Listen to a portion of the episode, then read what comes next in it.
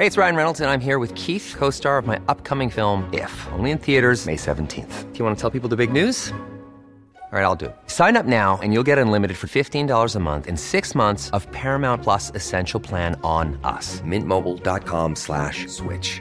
Upfront payment of $45 equivalent to $15 per month. Unlimited over 40 gigabytes per month. Face lower speeds. Videos at 480p. Active Mint customers by 531.24 get six months of Paramount Plus Essential Plan. Auto renews after six months. Offer ends May 31st, 2024. Separate Paramount Plus registration required. Terms and conditions apply if rated PG. I'm Sandra, and I'm just the professional your small business was looking for. But you didn't hire me because you didn't use LinkedIn jobs. LinkedIn has professionals you can't find anywhere else, including those who aren't actively looking for a new job but might be open to the perfect role, like me.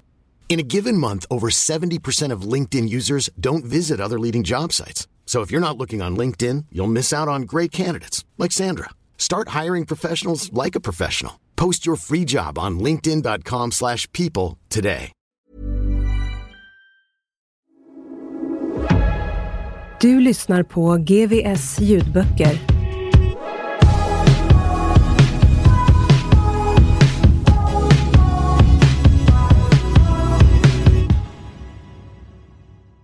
Kapitel 10 Han vill fixa grejen, inte fixa mig.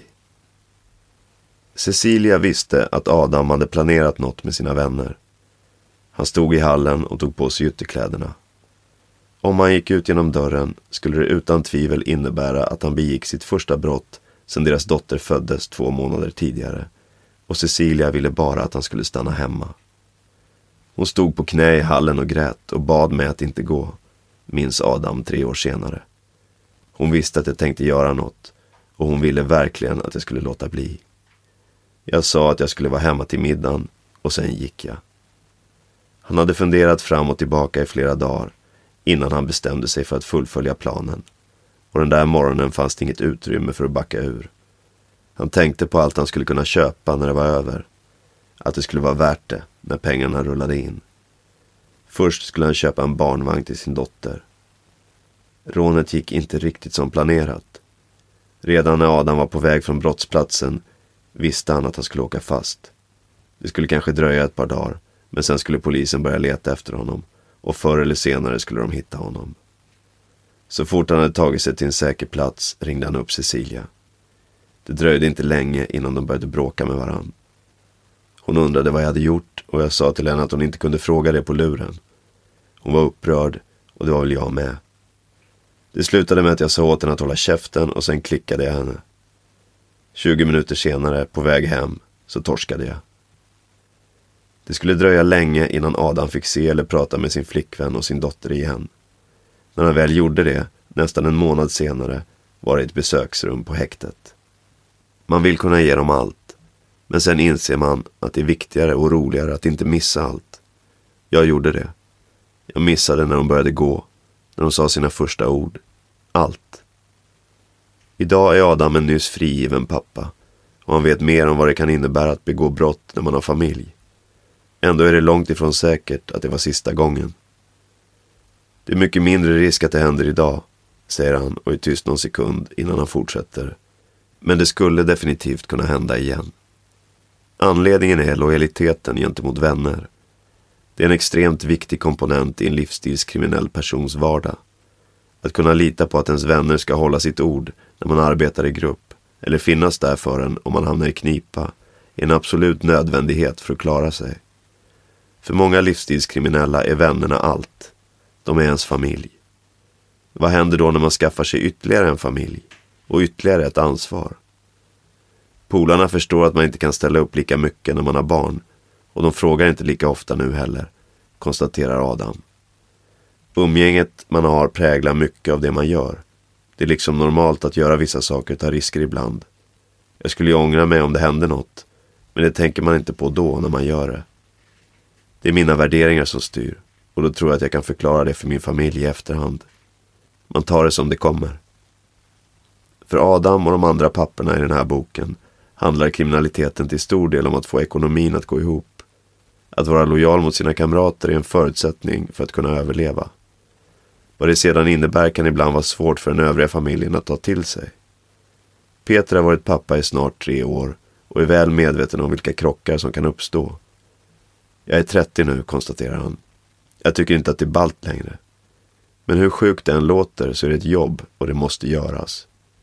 Det tog lång tid innan hans fru Frida hade accepterat hans arbetsrutiner. I början fattade hon inte hur jag kunde vara på krogen när jag hade sagt att jag skulle gå på ett möte. Men det är så det funkar i den världen. Man träffas på barerna och på altanerna. Det är där affärerna inleds och planerna görs upp.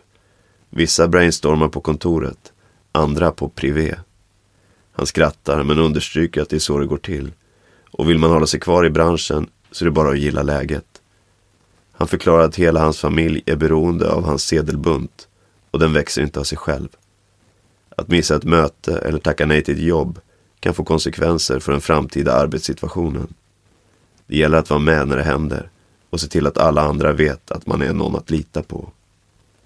Idag har Frida bättre koll på läget och större förståelse för vad som händer. Hon vet att familjens planer aldrig är mer än ett telefonsamtal ifrån att gå i stöpet. Hon har lärt sig. Ibland när det ringer och jag måste dra kan hon säga åt mig att inte glömma tandborsten för hon vet att jag kan vara borta i tre veckor. Det har varit många sådana jobbiga resor. För mig ligger ju lojaliteten helt och hållet hos henne och sonen. Men hon upplever det nog inte alltid så. Lojalitet är ett mångbottnat begrepp och för pappor med en kriminell livsstil kan det ge upphov till en mängd svåra val och frågeställningar. Går det att vara hundraprocentigt lojal gentemot sin familj och sina vänner samtidigt? Flera av dem jag intervjuat svarar spontant ja på den frågan. Men det finns de som är av en annan åsikt. Allt du gör med polarna gör du för familjen, sammanfattar en 33-årig tvåbarnspappa. På så sätt ligger lojaliteten hos familjen och det är de som man är ute och kämpar för eftersom man vill se till att de har det så bra som möjligt. Men i slutändan så är det de som blir lidande, för man är aldrig hemma. Och om man är hemma så är man som en levande död, för att det händer så mycket i den andra världen hela tiden. Så utifrån sett så ligger nog snarare lojaliteten hos polarna. För honom slutade det med att han i princip helt förlorade kontakten med sina barn på grund av ett långt fängelsestraff. Men slitningen mellan gänget och familjen fanns där långt innan. De tycker inte om varandra. Tjejen vill inte att man ska vara ute och drifta hela nätterna och polarna tycker att det är jobbigt att man måste svänga förbi där hemma titt som tätt. Det går inte ihop. Då motiverar man sig själv med att man ska sluta sen. För målet är att du ska kunna trygga familjens framtid. Lägga av och leva gott resten av livet. Problemet är att de flesta tappar familjen innan de når målet. Jag trodde stenhårt att jag skulle få ihop det. Men det sket sig ju totalt. Just tanken att det ska bli annorlunda i framtiden, att det rör sig om en tillfällig problematik, är inte ovanlig. Marco är 40 år och har själv inga barn. Men han har sett många av sina vänner bilda familj genom åren. De gör allt för familjen, tänker de i början. Och alla köper det. Både mamman och pappan. För att de tänker att det ska vara kortsiktigt. Men det blir det nästan aldrig. Så när polare får barn så gratulerar jag dem alltid. Men det är egentligen inte roligt. Alltså, det är alltid kul att de får ungar. Men sen när de sitter inne så är det inte så bra längre. Även om han inte är pappa så har Marco fått ta del av vad det innebär när barn växer upp och börjar ifrågasätta sin pappas beteende. Han har själv fått frågan direkt. Från en av sina nära vänners sjuårige son. Nu vill inte jag att du ska göra några mer saker, sa han till mig. Vad menar du? frågade jag. Jag vill inte att du ska göra fler saker som polisen inte tycker om. Tror du att jag fick dåligt samvete eller? Och jag är inte ens hans farsa. Fattar du hur pappan känner då? När man ska in och hämta pengar. När man skriver på ett papper eller när man ska skjuta någon. Hur fan rättfärdigar man det för en sjuåring?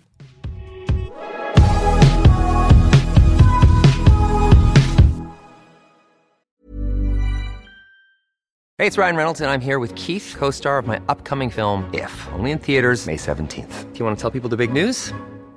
All right, I'll do it. Sign up now and you'll get unlimited for $15 a month in six months of Paramount Plus Essential Plan on us. Mintmobile.com slash switch. Upfront payment of $45 equivalent to $15 per month. Unlimited over 40 gigabytes per month. Face lower speeds. Videos at 480p. Active Mint customers by 531.24 get six months of Paramount Plus Essential Plan. Auto renews after six months. Offer ends May 31st, 2024. Separate Paramount Plus registration required. Terms and conditions apply if rated PG. I'm Sandra, and I'm just the professional your small business was looking for. But you didn't hire me because you didn't use LinkedIn jobs. LinkedIn has professionals you can't find anywhere else, including those who aren't actively looking for a new job but might be open to the perfect role, like me. In a given month, over 70% of LinkedIn users don't visit other leading job sites. So if you're not looking on LinkedIn, you'll miss out on great candidates like Sandra. Start hiring professionals like a professional. Post your free job on linkedin.com/people today.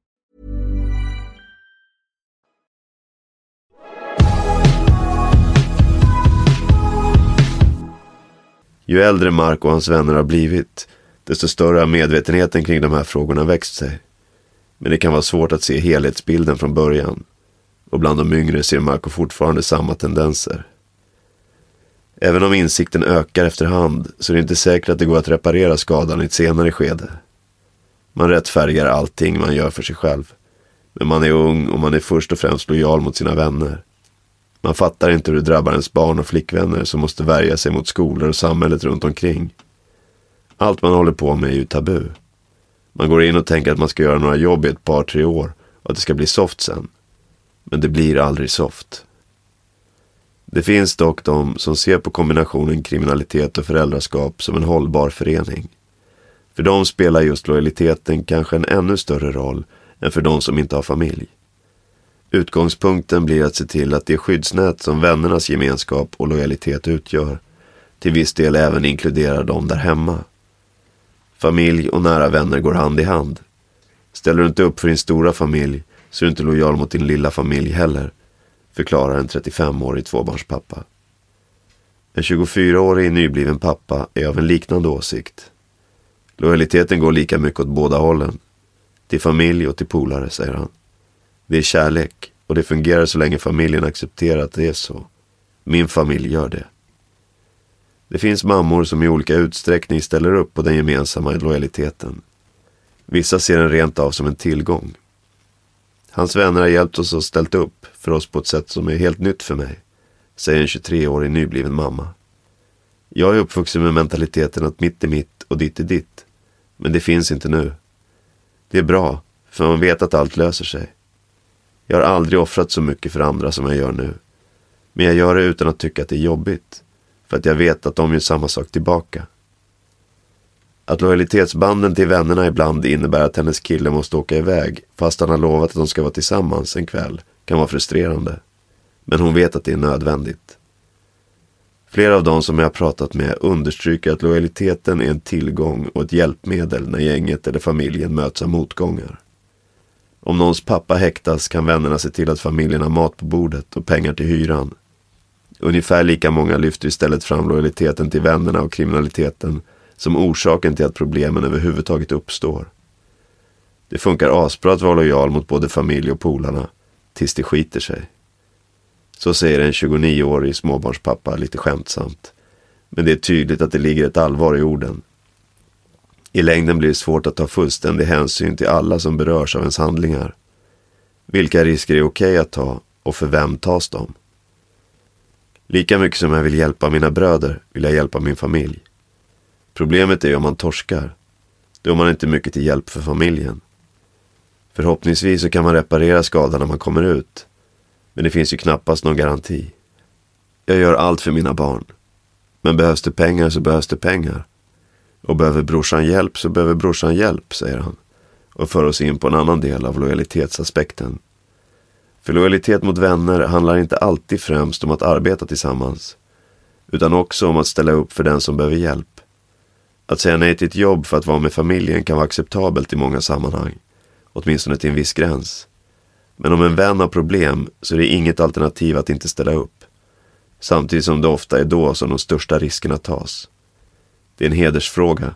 Att ställa upp för en polare i nöd är att följa den kod som många livsstilskriminella bär med sig sedan tonåren. Det är så naturligt för dem att de inte skulle ha några problem att förklara sitt agerande för sina familjer i efterhand. Om en broder kommer till mig och säger att vi ska göra det här jobbet så kan jag ju säga nej för att jag ska vara hemma och titta på film med min tjej, förklarar en 25-årig småbarnspappa. Men om man har problem så är det klart att jag ställer upp. Eftersom jag inte tycker att man är en bra människa om man inte gör det i sådana lägen. Det kan jag stå för även inför min familj. Sen gäller det att visa respekt gentemot dem genom att kanske vara hemma nästa kväll istället. Sånt är lätt att missa i början. Men man mår dåligt om man glömmer bort familjen. Det har jag lärt mig nu. Just den här typen av situationer verkar vara lättast att försvara inför familjen. Det är inget man gör för egen vinning eller för att man kanske ens vill. Det är helt enkelt bara så det ska vara. Om en kompis behöver hjälp, och om det är rätt, att han inte har gjort bort sig, då hjälper jag självklart till, säger en 26-årig nybliven pappa. Då kan jag riskera fängelse eller så. Jag hade mått bättre med mig själv och jag tror att min son skulle förstå det när han blir äldre. Att bli förälder gör dock att en del pappor blir aningen mer kräsna med sina vänner. Man kanske inte förlitar sig på riktigt lika många människor som tidigare. Och därmed minskar man risken att bli indragen i något. Man kanske blir aningen mer kritisk i sin bedömning av vem som förtjänar hjälp. Samme nyblivne pappa utvecklar. Jag ställer inte upp riktigt på samma sätt nu som innan jag blev pappa. Som sagt, det måste vara rätt. Det blir inga spontana bråk i stan. Det finns andra som kan fylla den rollen. Men om någon riskerar att bli klippt så ställer jag upp. Flera av de pappor som jag har träffat pratar om att föräldraskapet leder till att man skalar ner bekantskapskretsen och väljer sina strider i större utsträckning. Ofta med en avslutande kommentar om att ens riktiga vänner alltid kommer att finnas där och att deras riktiga problem alltid kommer att vara ens egna problem också. Mikael är 38 år och har varit pappa i tre månader. Hans beteende har i det närmaste gått åt motsatt håll. Han tycker att det har blivit ännu viktigare att gå in och hjälpa till i alla besvärliga lägen nu, sedan han fick sin son. Ingen ska kunna säga till min son att hans pappa är en fitta, kungör han artigt men bestämt. Jag är hans förebild och jag vill att han ska kunna vara stolt över mig. Bara någon månad efter förlossningen hamnade Mikael i problem. Han hade varit ute på krogen med två bekanta och var själv sist ut efter att krogen hade stängt. Den ena vännen hade gått för att hämta bilen och Mikael såg sin andra vän stå och diskutera häftigt med en kille lite längre ner på gatan. Bakom stod ett gäng andra killar. Mikael kände igen några av dem som tungt kriminella och förstod snabbt att om det blev bråk nu så skulle det sluta illa. Jag gick emellan och skulle precis ta min kompis och gå därifrån när en av de andra killarna slog till honom. Då tog jag den killen och kastade iväg honom och sen var det folk överallt. De var typ tio och vi var två och de hade påkar och grejer. Det enda jag tänkte var att om jag ramlar nu så dör jag. Jag visste att de inte skulle tveka inför något sånt. Mikael och hans vän lyckades hålla sig på benen och ta sig in i bilen som deras gemensamma kompis kom körandes i ett par minuter senare. De hade haft tur och var lättade, men i bilen var Mikael framförallt arg. Och vännen som var upphovet till bråket fick en utskällning. Det var han som började tjafsa och jag förklarade att det inte är okej. Okay. Han är egentligen ingen nära vän till mig, men i det sammanhanget så var det vi som hade varit ute tillsammans och då är man lojal mot sitt sällskap. Det rann av ganska snabbt sen, men min kavaj var sliten i tre delar och jag kunde inte gapa ordentligt på tre veckor. Något efterspel blev det inte. Vi började och de avslutade, sen är det klart. Hade det varit de som började och avslutade så hade det varit annorlunda. Då hade man varit tvungen att hämnas. Jag vet vilka de är. Vi lever i samma värld och då gäller vissa koder. Jag hade aldrig hämnats på en vanlig Svensson om jag fick stryk på krogen. Men när det gäller den här kategorin människor så måste man stå upp för sig själv. Mikael har inte diskuterat bråket med sin fru i efterhand, utan tonade ner det hela så gott han kunde. Han vet att hon skulle ha blivit upprörd, vilket han har full förståelse för. Att ta den typen av risker är inget som Mikael tar lätt på. Men heller ingenting som han tvekar inför att göra om han anser att det är det rätta. Självklart vill han vara med sin familj så mycket och länge som möjligt. Men för honom är de tankarna i större utsträckning egoistiska. Och han har svårt att se att de någonsin skulle ta överhanden. Jag vill inte vara hans pappa om jag ger honom anledning att inte respektera mig. Det är inte som att jag skulle berätta om en sån här händelse för att få hans respekt. Men jag vill inte att det ska finnas någon anledning till att han inte skulle kunna ha mig som förebild. Hur ser han då på om hans son skulle ta samma risker om 20 år? Jag skulle vara stolt, säger han och blir sen tyst en stund innan han fortsätter. Jag skulle säga till honom att jag tyckte att han gjorde rätt. Men sen skulle jag säga åt honom att det alltid blir bättre att försöka ta sig själv och sina vänner därifrån. Att man själv aldrig ska försätta sig i en sån situation om det går att undvika. Kanske har den kriminella livsstilen på vissa sätt med saken att göra. Men för Mikael är lojalitetsfrågan betydligt större än så. För honom är det viktigare att leva rätt än att leva länge. Oavsett om du begår brott eller inte. Det handlar om heder. Och det finns där även om man slutar med kriminalitet. Det kommer aldrig att försvinna. Även mammorna verkar generellt sett ha lättare för att acceptera att pappan till deras barn lämnar fredagsmyset, fotbollsmatchen eller söndagsmiddagen för att ställa upp för en kompis som behöver hjälp än för att göra pengar. Att det ibland kan innebära att man riskerar sitt eget liv, eller kanske tar någon annans, framstår i sammanhanget nästan som sekundärt. Om man inte hjälper en vän i nöd in i det sista, då är man ingen vän, säger en 26-årig småbarnsmamma.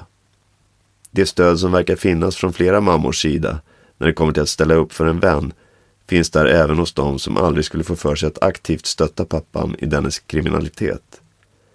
Den enda egentliga skillnaden mellan mammorna och papporna som jag har pratat med är hur mycket man betonar att problemen inte är självförvållade. Eller att den som behöver hjälp åtminstone har försökt att undvika situationen. Om man medvetet utsätter sina vänner och deras anhöriga för risker, för att man vet ju att de kommer att bli tvungna att kliva in, då är det ju för jävligt. Men jag tycker inte att det är fel att ha vänskapsband som kan innebära risker, säger en 29-årig tvåbarnsmamma. Att något inte är fel betyder naturligtvis inte att det är problemfritt, vilket samma mamma är snabb med att poängtera. Och även om det inte finns något principiellt motstånd från hennes sida så är premisserna långt ifrån önskvärda. Hon tror dessutom att de pappor som tar störst risker och sätter lojaliteten högst också är de som är mest emotionella och behöver familjen mest, men som alltför ofta kommer på det för sent. Några av mammorna jag intervjuat har förlikat sig med tanken på att pappan till deras barn när som helst kan bli tvungen att ta stora risker för sina vänners skull. Eftersom de vet att det är vad som krävs för att de själva ska kunna förvänta sig detsamma tillbaka. Finns det en hotbild riktad mot deras man eller pojkvän vill de givetvis att hans vänner ska hjälpa honom. Det är något som många medger. Men den spontana reaktionen inför tanken på detta blir lika ofta ilska som rädsla. Om han själv är den som gör bort sig så är det bara skit. Det är en tanke som man tänker ibland, fast man inte vill. Och när det kommer upp så blir jag bara arg. Säger en 27-årig småbarnsmamma smått irriterat. Men lugnar snabbt ner sig innan hon fortsätter. Fast det är skillnad på hur man tänker rationellt och hur man tänker känslomässigt. Jag kan vara kall också. Om saker händer så händer de. Och då är det självklart att man hjälper till. Det gäller även hans vänner. Hennes resonemang går att spåra även hos flera vänner till de pappor som jag har pratat med. Oavsett vad de tycker om sin kompis familj eller hans val att skaffa barn så spelar det mindre roll om något faktiskt skulle hända. Sitter någons pappa i fängelse så är det vännernas gemensamma ansvar att, i den mån det behövs och i den mån de kan, hjälpa hans familj med allt från räkningar till barnvaktning. Det ska sägas att de mammor som jag diskuterat de här frågorna med också har en viss insyn i hur pappornas umgängeskrets ser ut och fungerar. Jag har även träffat mammor vars eventuella tankar kring ämnet i princip helt baseras på deras egna gissningar. Oftast varken vill eller kan de prata om saken med mig, eller någon annan heller för den delen. Frågan om lojalitet och vänskapsband hör till två av de ämnen där familjerna som jag har träffat skiljer sig som mest åt. En 26-årig pappa förklarar att han aldrig tar upp lojalitetsfrågan med sina polare eftersom de fattar det ändå.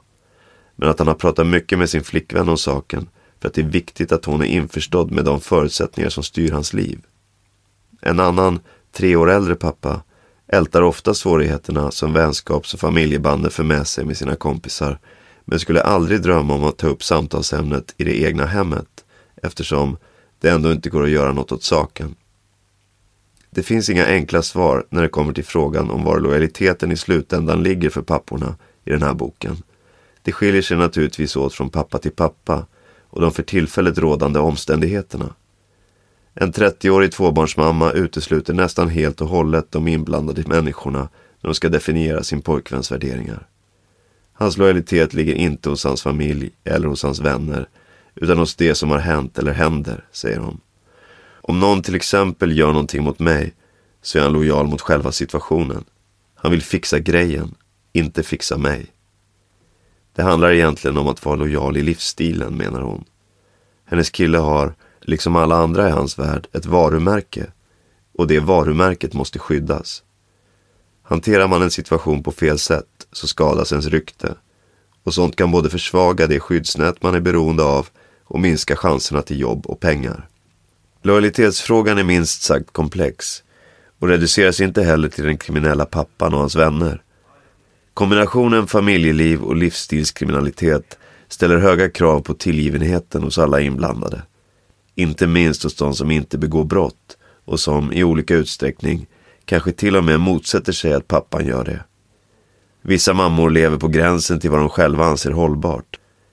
Jag funderar jävligt ofta på var min gräns går för hans andra lojalitetsband.